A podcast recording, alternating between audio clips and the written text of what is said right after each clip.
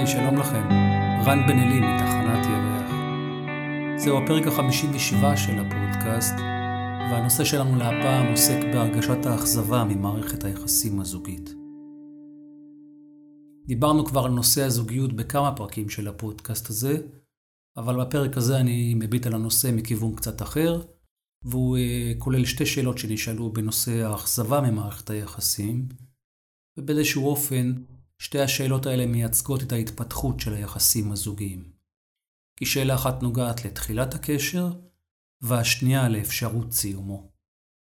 שתי השאלות עוסקות אה, בציפיות ובאכזבה שנמצאת ברקע, בהכרה בצרכים הרגשיים, והדילמה שלא מאפשרת החלטה חותכת בנוגע לכיוון הזוגי, כאשר לעתים יש בלבול רב בתפקידים שבתוך מערכת היחסים ובהבנה שלהם, ואת זה אנסה טיפה להרחיב בפרק הזה. זוגיות היא נושא מאתגר בגלל הרבה סיבות, אבל בגלל אה, סיבה אחת עיקרית, והיא שהאדם לא יודע את עצמו ואת עצמיותו, והוא משליך את המאוויים והתשוקות שלו על הצד השני, מבלי להבין תמיד אה, שבן או בת הזוג שלו הוא השתקפות שלו עצמו.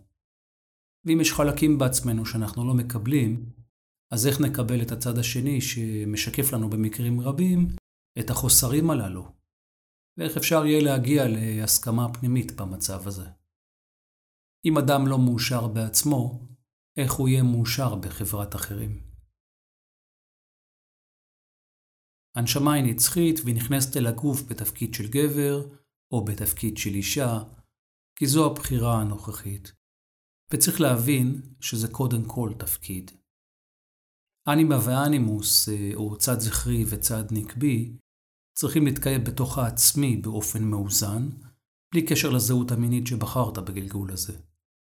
אבל אנחנו חיים בתקופה שבה הדברים מתערבבים, ואנשים נוטים לשכוח שזה תפקיד ולא זהות של הגוף, כי הנשמה היא דואלית, והיא מייצגת את כל האפשרויות, או מייצגת דבר שלם, שהוא תוצר של ניגודים, שבאים לידי ביטוי בהשלמה שבין הזכרי והנקבי, וזה מה שמשתקף במערכת היחסים הזוגית. אפשר לומר שכשהנשמה נכנסת לגוף, היא מזדהה איתו, היא גם מזדהה עם התפקיד של הגבר או של האישה, אם היא עשתה המון תפקידים של גבר ונכנסת כעת לגוף של אישה, אין לה הרבה ניסיון וזיכרון, או לעתים אה, מיומנות בנוגע לתפקיד שהיא בחרה, ולכן היא צריכה ללמוד אותו ולתרגל אותו, ושלא לדבר על אה, טראומות שהיא מביאה מתפקיד מסוים שהיא עשתה, והוא יכול להקשות עליה לקבל את הבחירה הנוכחית שלה, או להיבהל ולרצות לעשות תפקיד אחר בכלל, שהוא סותר את התפקיד שהיא בחרה כעת. לפני שמישהו אה, קופץ וזועק, אני רק אומר, אה, שגם במערכת יחסים בין שני גברים או בין שתי נשים, עדיין יתקיים הצורך לחלק את התפקידים ביניהם כזכרי ונקבי, בלי קשר לזהות המינית שלהם, כי מה שקובע הוא המשחק של התפקיד, ולא הזהות המינית שבחרת. זה נושא פתלתל, ואולי אעשה על זה פרק בנפרד מתישהו, אז אם למישהו או למישהי יש שאלה בנושא או סיפור אישי, אתם כמובן מוזמנים בשמחה לשלוח אותו לתחנת ירח. מערכת יחסים מוצלחת בנויה על התאמה, על בחירה ועל קצב, אבל בעיקר על אה, איזון בין קבלה ונתינה, וכאשר זה לא מתקיים, אז אנשים מצפים לשוויון אבסולוטי, שזה נושא שרק מעמיק את חוויית התסכול מהקשר. ואז מחפשים סיבות ותירוצים ללמה מרגישים מתוסכלים, וכמעט תמיד מצביעים על הצד השני כזה שנושא באחריות למחדל. למרות הידיעה וההבנה שהכל מתקיים בתוכי. הקול שלי והכל השלכה שלי על האחר. חוץ מזה, זה לא סתם איזון בין קבלה ונתינה, אלא גם איזון בין תפקידים שונים בתוך העצמי, שמשתקפים אה, כמערכת יחסים. ואז אפשר לשאול, איך בכלל אפשר להשוות תפקיד של גבר לתפקיד של אישה? אלו שני חלקים שאמורים להיות מאוזנים בתוך עצמנו, אבל אצל רבים הם לא באיזון בגלל צורת החשיבה, בגלל הדימוי העצמי ובגלל הצורך להזדהות עם התפקיד שבחרת.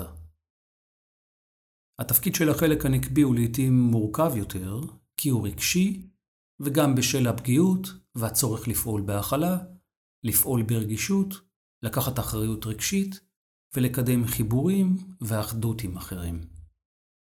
הצד הזכרי מבקש אה, לבטא חשיבה שכלתנית ורציונליות, הוא מבקש לבטא דינמיות וגבריות דרך היבטים ותנאים אחרים.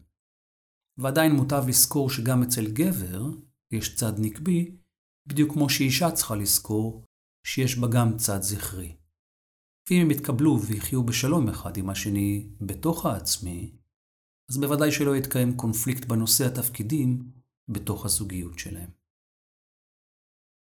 למרות שלנשים יש אפשרות לבטא תפקיד בעל עומק מבחינה רגשית, הן אה, עדיין נלחמות על אה, שוויון, כי המציאות מוכיחה להם שגברים נוטים להשתלט, מובילים לכאורה, אולי מרוויחים יותר ואולי נחשבים יותר בחלקים מסוימים של העולם, ועדיין אם באנו לעולם הזה עבור חוויה רגשית, אז מוטב שיותר נשים יובילו תהליכים עולמיים, וזה תהליך שכנראה ילך ויועצם עם השנים שיבואו, ועדיין יש לעשות זאת בהבנה שהצד השני אולי יהיה מבוהל מאובדן הבכורה והכוח שלו, ולכן חשוב שכל אחד ואחת ימצא ראשית את האיזון בתוך עצמו.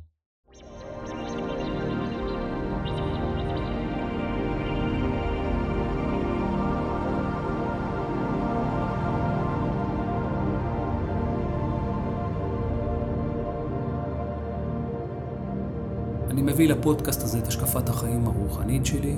כמו תמיד אני לא בהכרח יודע משהו, ולכן כל מה שאני מביא לכאן אלו לא הורים ותומים, אלא אפשרויות ומחשבות בלבד. לכן, זה לא טוב ולא רע, לא גבוה ונמוך, ומומלץ להישאר פתוחים.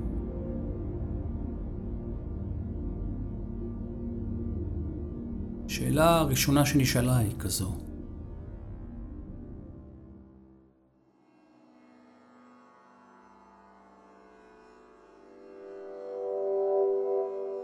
אני מאזינה לתחנת ירח, ואני מאוד שמחה ללמוד ולהתבונן פנימה בזכות התכנים שאתה מעלה. יש לי שאלה שנוגעת לזוגיות שלי, לציפיות והאכזבות ממנה. אני נמצאת בקשר זוגי מספר חודשים, ויש בינינו תקשורת פתוחה ונעימה. אנחנו נהנים להעביר זמן משותף יחד, לחוות חוויות, ואנחנו פועלים ברגישות ואכפתיות זה כלפי זו רוב הזמן. ככל שהקשר בינינו מתקדם, אני מרגישה שכמות הציפיות שלי מבן הזוג שלי הולכת ומתרחבת, וכך גם האכזבות ממנו. בן זוגי נמנע מלהציג את הציפיות שלו כלפיי, ונמצא במקום של קבלה ונתינה רוב הזמן. כאשר אנחנו מדברים על הציפיות והאכזבות בתוך הקשר הזוגי, חוזרות ועולות אצלי השאלות. בגדול אני מצפה ממנו שיתאמץ יותר, ויהיה יותר מושקע בקשר הזוגי. שהוא ייזום יותר מפגשים איתי, יהיה יותר יצירתי סביב מיקום ואופי המפגשים, ולא ייזום רק ישיבה בבית או באיזושהי פינה שקטה בטבע. אני מרגישה שהחזרתיות במהלך המפגשים שלנו מתחילה לשעמם אותי, ואני חוששת לאבד בו עניין אם לא תהיה תחזוקה של התשוקה, עניין והפתעות מצד שנינו.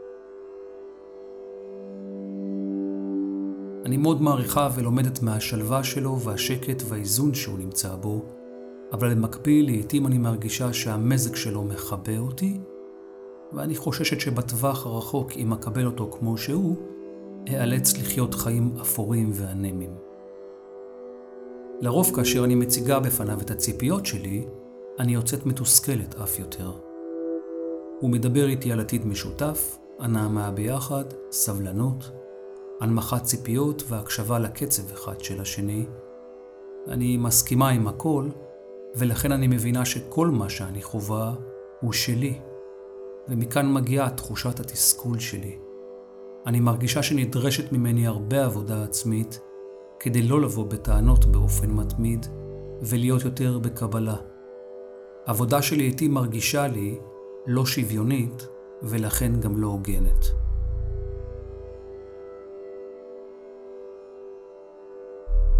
מהי המידה הלגיטימית והנכונה עבורי של התעקשות על הצרכים והרצונות שלי בתוך מערכת יחסים זוגית. האם עליי להפסיק לצפות ולהניח לבן זוגי להתקיים לצידי מתוך מקום של קבלה מוחלטת?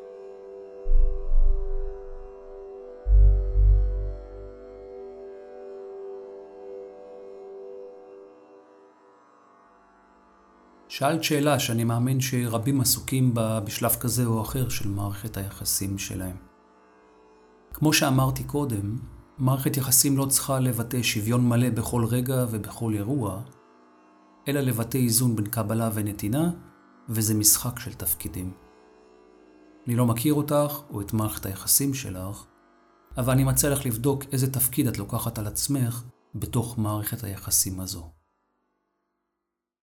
מה שאת מבטאת בשאלה שלך זה הרבה תסכול מחוסר הדומיננטיות של בן הזוג שלך או של עצמך, ואת מתארת אותו כבעל צד נקבי מפותח.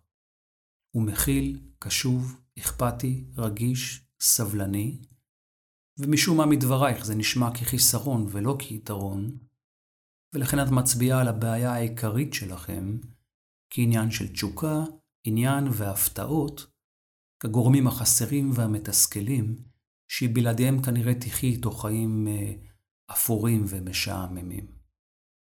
במילים אחרות את אומרת לו דרך השאלה שלך, תתעורר על הזכריות שלך. ואני מקווה שאת אה, מסכימה עם זה, ואם כן, אז אני אשאל אותך. אולי זה עניין של תהליך שהוא צריך לעבור דרך הזוגיות.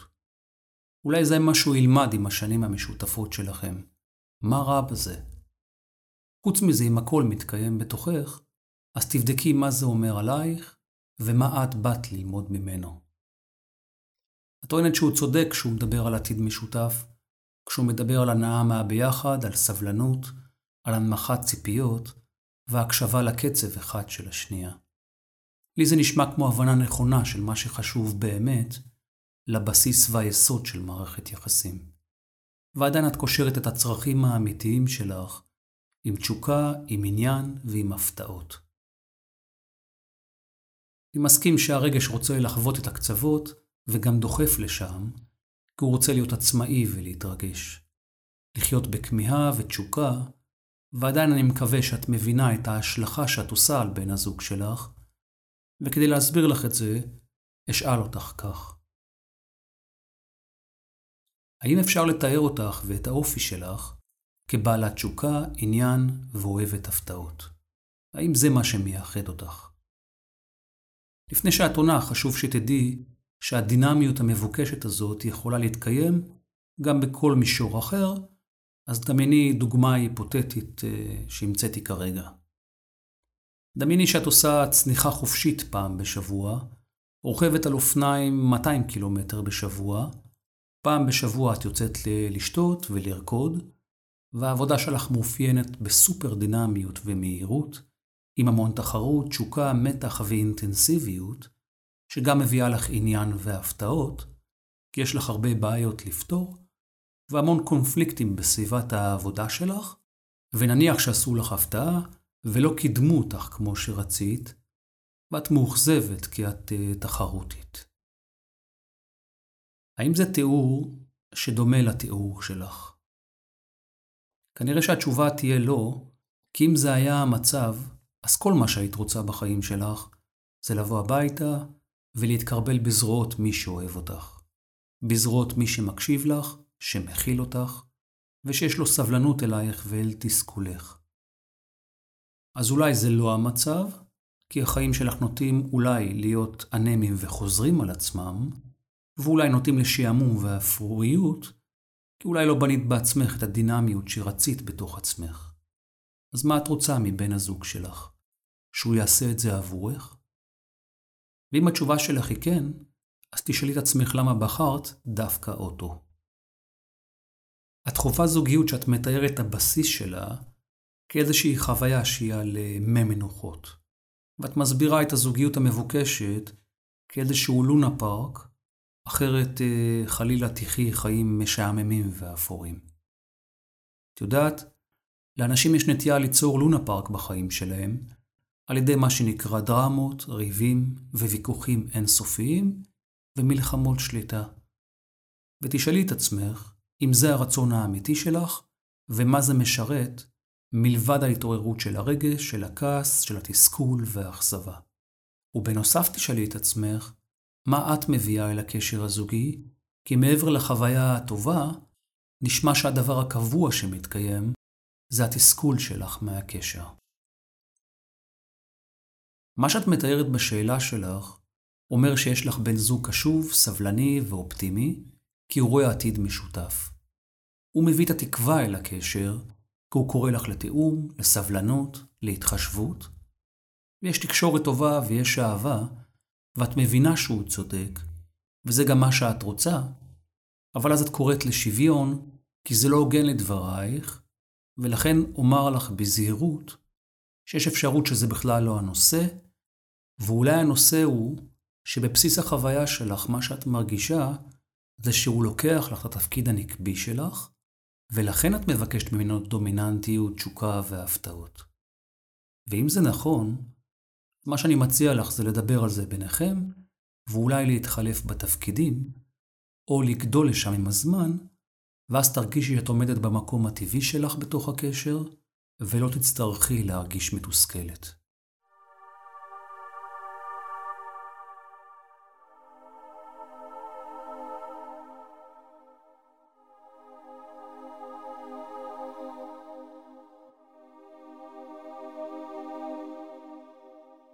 אני רוצה לענות לשאלות הספציפיות ששאלת. מה המידה הלגיטימית והנכונה עבורי של התעקשות על הצרכים והרצונות שלי בתוך מערכת יחסים זוגית?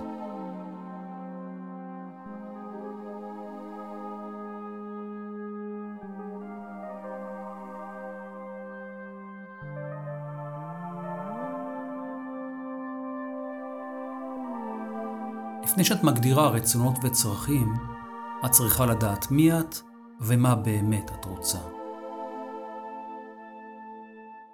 את צריכה להבין איזה תפקיד עומד בפנייך כשאת נכנסת למערכת יחסים, ואז להגדיר מה את רוצה ממנו.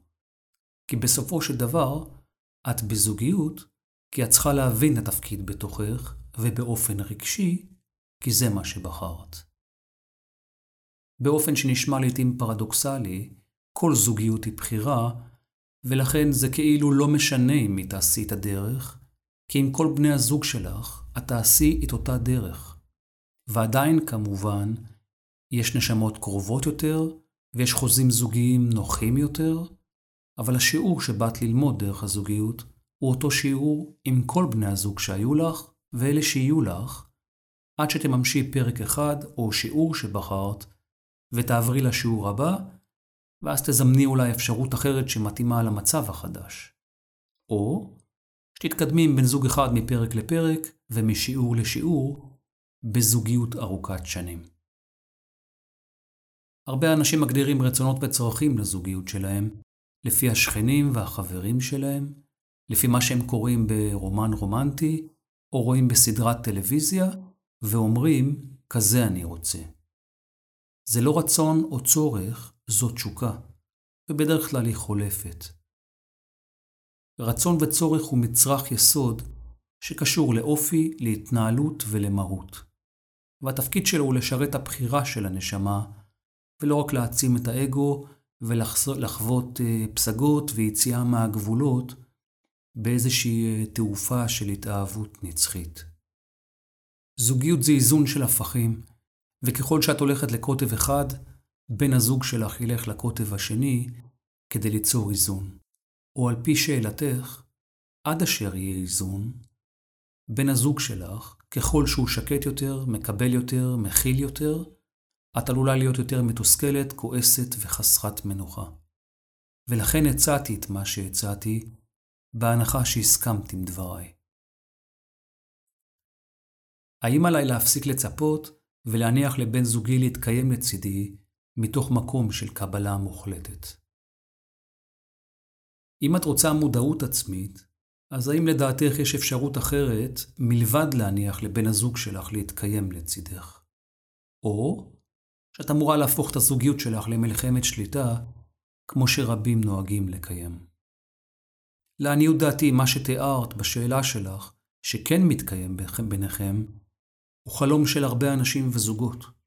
אבל לעתים, ובצער, רק באובדן ובסיום הקשר מכירים בזה, ואני מאחל לכם כמובן שתתגברו ותחצו את התסכול, ובעיקר שתמצאי את עצמך בהוקרת תודה על מה שכן מתקיים. ציפיות זה בולשיט שהמציאו אנשים מתוסכלים שמנסים לשלוט על תהליך שלא ניתן לשליטה. למקם מטרה דמיונית שמבטלת את מה שמתקיים כעת ומקבעת אותו כלא מספיק.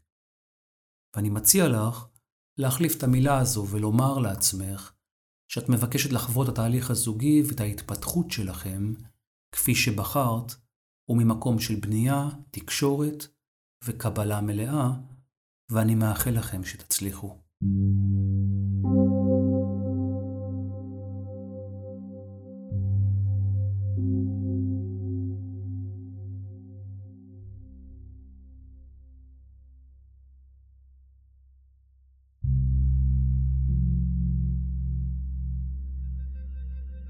אני וזוגתי נמצאות יחד בקשר כבר יותר מעשר שנים. יש לנו ילד אה, בן חמש וילד בן שנתיים שהיא הביאה לעולם. הסרטון עליו נחתה הזוגיות לפני כמה שנים רק הולך ומתעצם.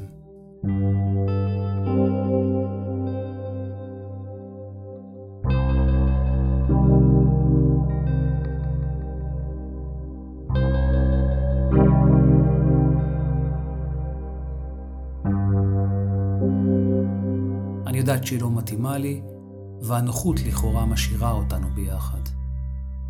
היא צריכה אותי כאופר אל הילדים וכעזרה לוגיסטית וכלכלית, ואני לא יכולה להתנתק מהילדים וחוששת לאבד אותם, וזה כבר קרה לי עם אקסיט שאותה עזבתי לטובת הנוכחית, לצערי המאוד גדול, כך שבאופן כללי די התרחקנו והבית הפך להיות אה, בית גידול לילדים. אנחנו מתפקדות לפי צורכיהם וצורכי הבית. אין בינינו כלום, אפילו לא מגע פיזי ומיני כבר שנים. אני מבוגרת ממנה ב-15 שנים, ואיבדתי עניין בכלל. היא לא מפרה אותי, ואני בטוחה שזה הדדי. קשה לי איתה, והיא יותר חומרית ממני, ואנחנו לא באותו קצב, כפי שהזכרת באחד הפרקים של הפודקאסט. יש בי המון כעס עליה, כי היא פרק ב' בשבילי, ובגללה פירקתי משפחה עם האקסיט, ואין לי קשר טוב עם אה, שלושת הילדים שגידלנו יחד. איבדתי אותם. יש לי קשר רק עם האקסיט, ואותם אני רואה רק לעתים נדירות. אני אוהב את הילדים הנוכחיים, וזה גם מה שמשאיר אותי בקשר, אבל אנחנו לא מתאימות וזה אבוד. יש ריק בחלל, ואין לי שום רצון אפילו לנסות ולתקן. שתינו מסכימות שאנחנו תקועות בקשר הזה. אשמח לעצה.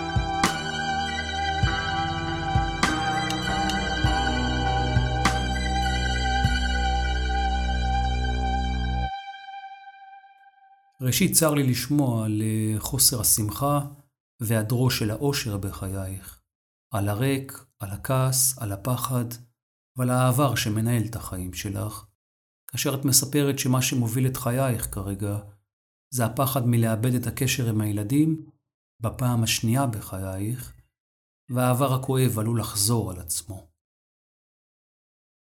לפני שאענה לך, רציתי קודם אה, להפנות את תשומת ליבך אל הקיצוניות של הכעס שלך. כעס שמבטא את חוסר התכלית של הקשר שלכם, חוסר תקווה מוחלטת, שמתבטא כשאת אומרת שאתם לא מתאימות ושהקשר אבוד. שיש ריק בחלל ואין לך שום רצון אפילו לנסות ולתקן. ורציתי לשאול אותך, אם זה אבוד ואין תקווה, אז למה את מבקשת ממני עצה? אני לא יודע מה ענית, אבל אני מאמין שתחושת התקיעות שלך נובעת מהשייכות המשפחתית כדבר שכן מתקיים בזכות הילדים. וזה קורה לצד הזוגיות שאת מתארת כמדבר שומם, עצוב וחסר תקווה, כי שום פרח לא יכול לצמוח בתוכו. ולמה? כי אין תקווה. אין מים שיערבו את הצמאון הרגשי, וככל שחולף הזמן, שרפת הכעס שורפת את האדמה המשותפת, ויוצרת בה סדקים שמאיימים לפרק אותה באופן מוחלט וסופי. את מתארת הזוגיות שלך כתא שלא מתקיים מבחינה רגשית, אלא מבחינה פונקציונלית ופרקטית, ורק על מנת לדאוג לילדים. אולי שלמות המשפחה עומדת לנגד עיניכם, למרות ההתעלמות והחסך הרגשי ביניכם, כי מדברייך משתמע שאין תקשורת רגשית, אין מגע ואין רצון. הגדרת את עצמך כאופר וכלי לעזרה לוגיסטית וכלכלית, ועדיין אמרת שאת נשארת בקשר הזה עבור הילדים, כי אינך מסוגלת להיפרד מהם. וכאן את סותרת את עצמך, כי את לא רק לי, אלא גם יש לך תפקיד הורי, כי זה מה שאת אומרת. אינני מדבר בשמם של הילדים, אני רק מפנה את תשומת ליבך לכך שכנראה אתם אה, שמות משקל רב על כתפיהם של הילדים. כשילדים קטנים אה, גדלים, לא אכפת להם מלוגיסטיקה, הם זקוקים לתקווה. וזה התפקיד העיקרי של הורים, לתת תקווה לילדים שלהם. לא לחנך, לא לומר מה מותר ומה אסור, לא לרצות, לא לפצות ולקנות מותרות, אלא רק לתת להם תקווה שכל התכלית שלה היא לתמוך בהם ולתמוך בתהליך הצמיחה שלהם, כדי שכל אחד מהם יוכל לגלות את האופי והתכלית האמיתית שלו, ולגדול בבית שתומך בו, ומאפשר לו לגלות את האופי שטרם יצא אל האור באופן מלא. בשל גילו הצעיר של הילד, הוא נמצא בתקופת הסתגלות, ולכן הוא מתנשא, הוא מתגבש, הוא בודק, הוא מצליח והוא גם טועה, והוא בעיקר מעצב את תפיסת עולמו, כך שככל שהוא גדל, ואם הוא עושה את זה בבית אוהב, ומלא תקווה שתומך בזה, אז ההורה עושה את תפקידו היטב, ומבלי להתערב בבחירה של הילד, כי כך נוהג אה, הורה שמשגיח, תומך, ונותן לאופי של הילד שלו את האפשרות לגדול ולבטא את עצמו על פי הבחירה שלו ועל פי מה שנכון לו. אני מקווה שאנחנו מסכימים עד לכאן, ואם זה אכן המצב, אז אשאל אותך, איזה תקווה אתן נותנות לילדים? מה לדעתך הם לומדים מכם? מה הם רואים ומה הם חווים, בלי קשר ללוגיסטיקה והמצב הכלכלי, כאשר הם חיים בשדה שבו הזוגיות הרעועה מאיימת לפרק את המרחב המשפחתי, וזה לא משבר נקודתי, אלא מצב קבוע שבו הם חיים מרגע לידתם, והם כנראה לא מכירים משהו אחר. יש הרבה אנשים, בני זוג ובנות זוג, שלא מסתדרים, כל אחד מסיבותיו. לעתים מתגברים ולעתים נפרדים, כי מעדיפים לעשות את המשך הדרך עם מישהו או מישהי אחרת, וכל אחד uh, מסיבותיו, ועדיין הדרך, הבחירה והמטרה של הזוגיות תהיה אותו שיעור, ולכן אין דבר כזה בחירה לא נכונה, כי כל בחירה היא בחירה, ועובדה שבחרתם אחת בשנייה, ואת צריכה לקחת אחריות על זה. זו עובדה שעזבת זוגיות קודמת עם האקסיט שלך ושלושה ילדים, על מנת להגיע לזוגיות הזו, ולחוות אותו דבר. כשאת מגדלת ילדים שלא את ילדת, אבל את ההורה שלהם, את קשורה אליהם, ואת מפחדת להיפרד מהם, ואולי זה מה שאת מחפשת, משפחה ושייכות. ואולי כל הרעיון הזוגי הזה הוא אתגר לא פשוט עבורך, בגלל הקצב השונה שתיארת, בגלל תפיסת העולם שאת מתארת, את אה, בת הזוג שלך כחומרנית מדי לטעמך, ועדיין כל מה שאת מתארת בבית הוא חומר, לוגיסטיקה ותנאים ללא רוח, כי הרוח היא הרגשה, אפשרויות ותקווה.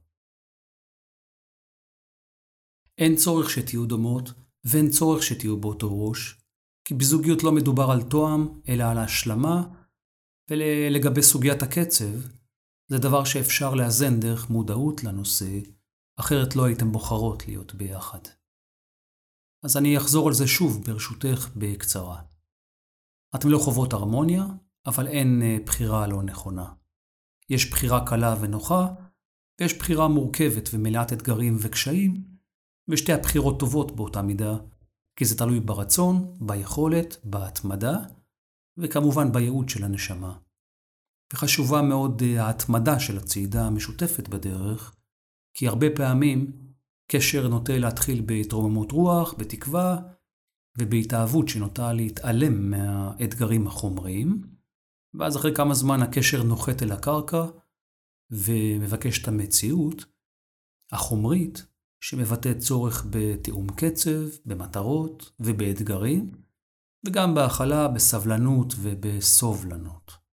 ולכן, אדם מודע לא מסתכל על הדרמות והקשיים כדבר קבוע, אלא כעל דבר חולף, הוא יודע שהוא והם מתפתחים בזוגיות שלהם, ולכן הוא מסתכל על הדרך ועל השיעור שהם צריכים לחוות בזוגיות שלהם.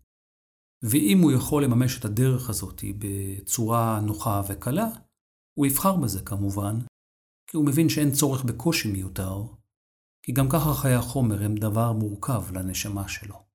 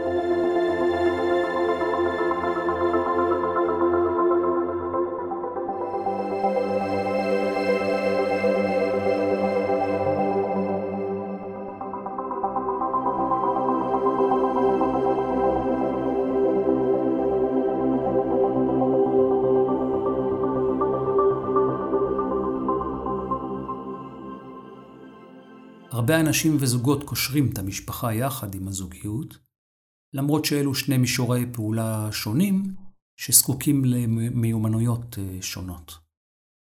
הזוגיות דורשת התאמה של קצב, הגדרת תפקידים, הגדרת גודל של חוויה, חברות, אמון, הדדיות, ולענות על השאלה איך אתם מסתדרים במרחב הזוגי שלכם ומהי היכולת ואיכות החיבור ביניכם. משפחה דורשת חוויית שייכות, אחריות רגשית, מבוגר אחראי ותקווה. יש הרבה משפחות חד-הוריות שהן משפחות מדהימות, יש אה, הרבה זוגות שאין להם ילדים, ועדיין רצונם מתמלא, ועדיין הם מסופקים ומאושרים. אצלך, או במקרה שלך, את מתארת קשיים בשני התחומים, ואני מאמין שהסיבה המרכזית היא היעדרה של התקווה. אם אין עתיד, אז הזוגיות כל הזמן מאוימת להתפרק, ואם הזוגיות תתפרק, אז גם מבנה המשפחה הנוכחי יתפרק, ומזה את חוששת, ואת uh, מאמינה שאת אוחזת במשפחה בכל מחיר, ואני אומר לך שיש אפשרות שאת אוחזת בזוגיות בכל מחיר. ולמה? כי את דואגת uh, לתדלק את הכעס ואת האכזבה שלך מהזוגיות, וזה הנושא הקבוע שמתקיים אצלך. אם הייתה הסכמה להיות ולחיות רק בחברות ובשותפות, לגדל את הילדים, להסתפק בקיים, ולהודות על מה שכן מתקיים, הייתי יכולה להתפנות מהכעס, כי יש משהו מעבר לכעס. וככל שחולף הזמן, ולמרות חוסר התקווה, עובדה היא שאת עדיין נשארת בקשר. את אומרת שהזוגיות נחתה על סרטון לפני כמה שנים, ויש לכם ילדים קטנים בני שנתיים וחמש. ואולי הזוגיות נחתה על סרטון עם הופעתם בחיים שלכם, ואולי נדחקת הצידה, ואולי שייכותך כבר לא ברורה לך, ואת זה צריך לבדוק. ואם המשפחה כן מתקיימת, ואם תמצאי בתוכך תקווה, אז אולי תוכלי לגשר בתוכך על האפשרות שהזוגיות כן תתקיים במתכונת כזו או אחרת, שתסכימו עליה, כי את לא יודעת למקם את עצמך בהווה או בעתיד, אלא עדיין חיה את העבר. הכמיהה הזו לזוגיות הקודמת שעבדה עם האקסיט שלך, הצער שלך על הפרידה, על אובדן הקשר עם שלושת הילדים, רק מחדד את הכעס שלך בהפסד הכפול האפשרי, כאשר אה, זו את שבחרת ללכת. את פירקת המשפחה שלך לדברייך, ואת זו שמרגישה צער וחרטה על כך, למרות שבנית זוגיות חדשה, ולמרות שיש לך אה, משפחה חדשה, שגם אותה את מאיימת לפרק, ואני מציע לך לנסות אה, לעצור לרגע את מחול השדים הפנימי. להבין את הפגיעות, את הכעס ואת האכזבה שאת חשה, ולשאול את עצמך רק שאלה אחת. אולי הגיע הזמן לשחרר את העבר? אולי הגיע הזמן לבנות? אולי הגיע הזמן למצוא את המחבר? אולי הגיע הזמן לסלוח לעצמך על מה שבחרת, ולהבין אה, שהמשך העיסוק בעבר לא יתקן את המצב, אלא להפך, הוא עלול לפרק גם את ההווה וגם את העתיד שלך. את מתארת עצמך כהורה במשפחה לילדים שאת אוהבת, ואם את לא מסוגלת למצוא תקווה לעצמך, לכל הפחות תעשי ניסיון לתת תקווה לילדייך, כי לפרק זה קל, ואת מוכיחה את זה בדברייך. קושי מגיע בשלב מאוחר יותר, כאשר הרגש מבין את מה שהשכל עשה, ומתחיל להתחרט. ואת צריכה להיזהר אה, מתסריט שחוזר על עצמו, כי כרגע את כועסת, את מרגישה שהכל אבוד, את מרגישה שאין תקווה, ובו זמנית את אומרת שאת אה, מבוגרת ממנה ב-15 שנה, שאולי את היא זו שאמורה להיות המובילה, כי את אולי רוחנית יותר לדברייך, אם רק תמצאי בעצמך אה, סליחה על הקשר שאבד, אולי תוכלי למצוא ולתקן את כל הקשרים שהיו לך מעולם, דרך הקשר הנוכחי, שעבורה את צריכה לגדול, ובעיקר למצוא בעצמך את התקווה.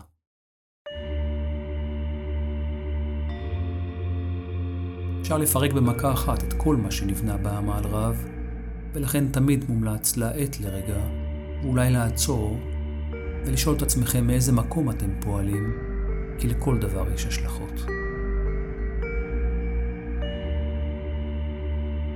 זוגיות אמיתית היא לא מושלמת, כי לזוגיות מושלמת אין לאן להתפתח.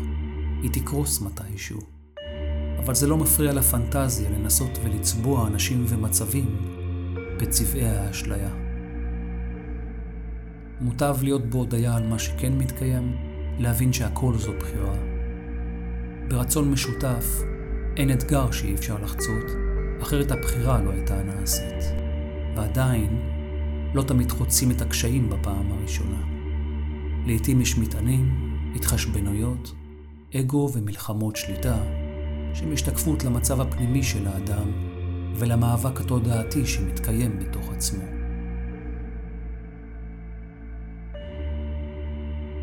זוגיות היא משחק תפקידים שהדבר היחיד שיש להכיר בו זה את מהות התפקיד. הדבר היחיד שצריך להדגיש לעצמכם בתוכו זו האהבה. והדבר היחיד שיש לתאם בו הוא הקצב והאיזון בין קבלה ונתינה.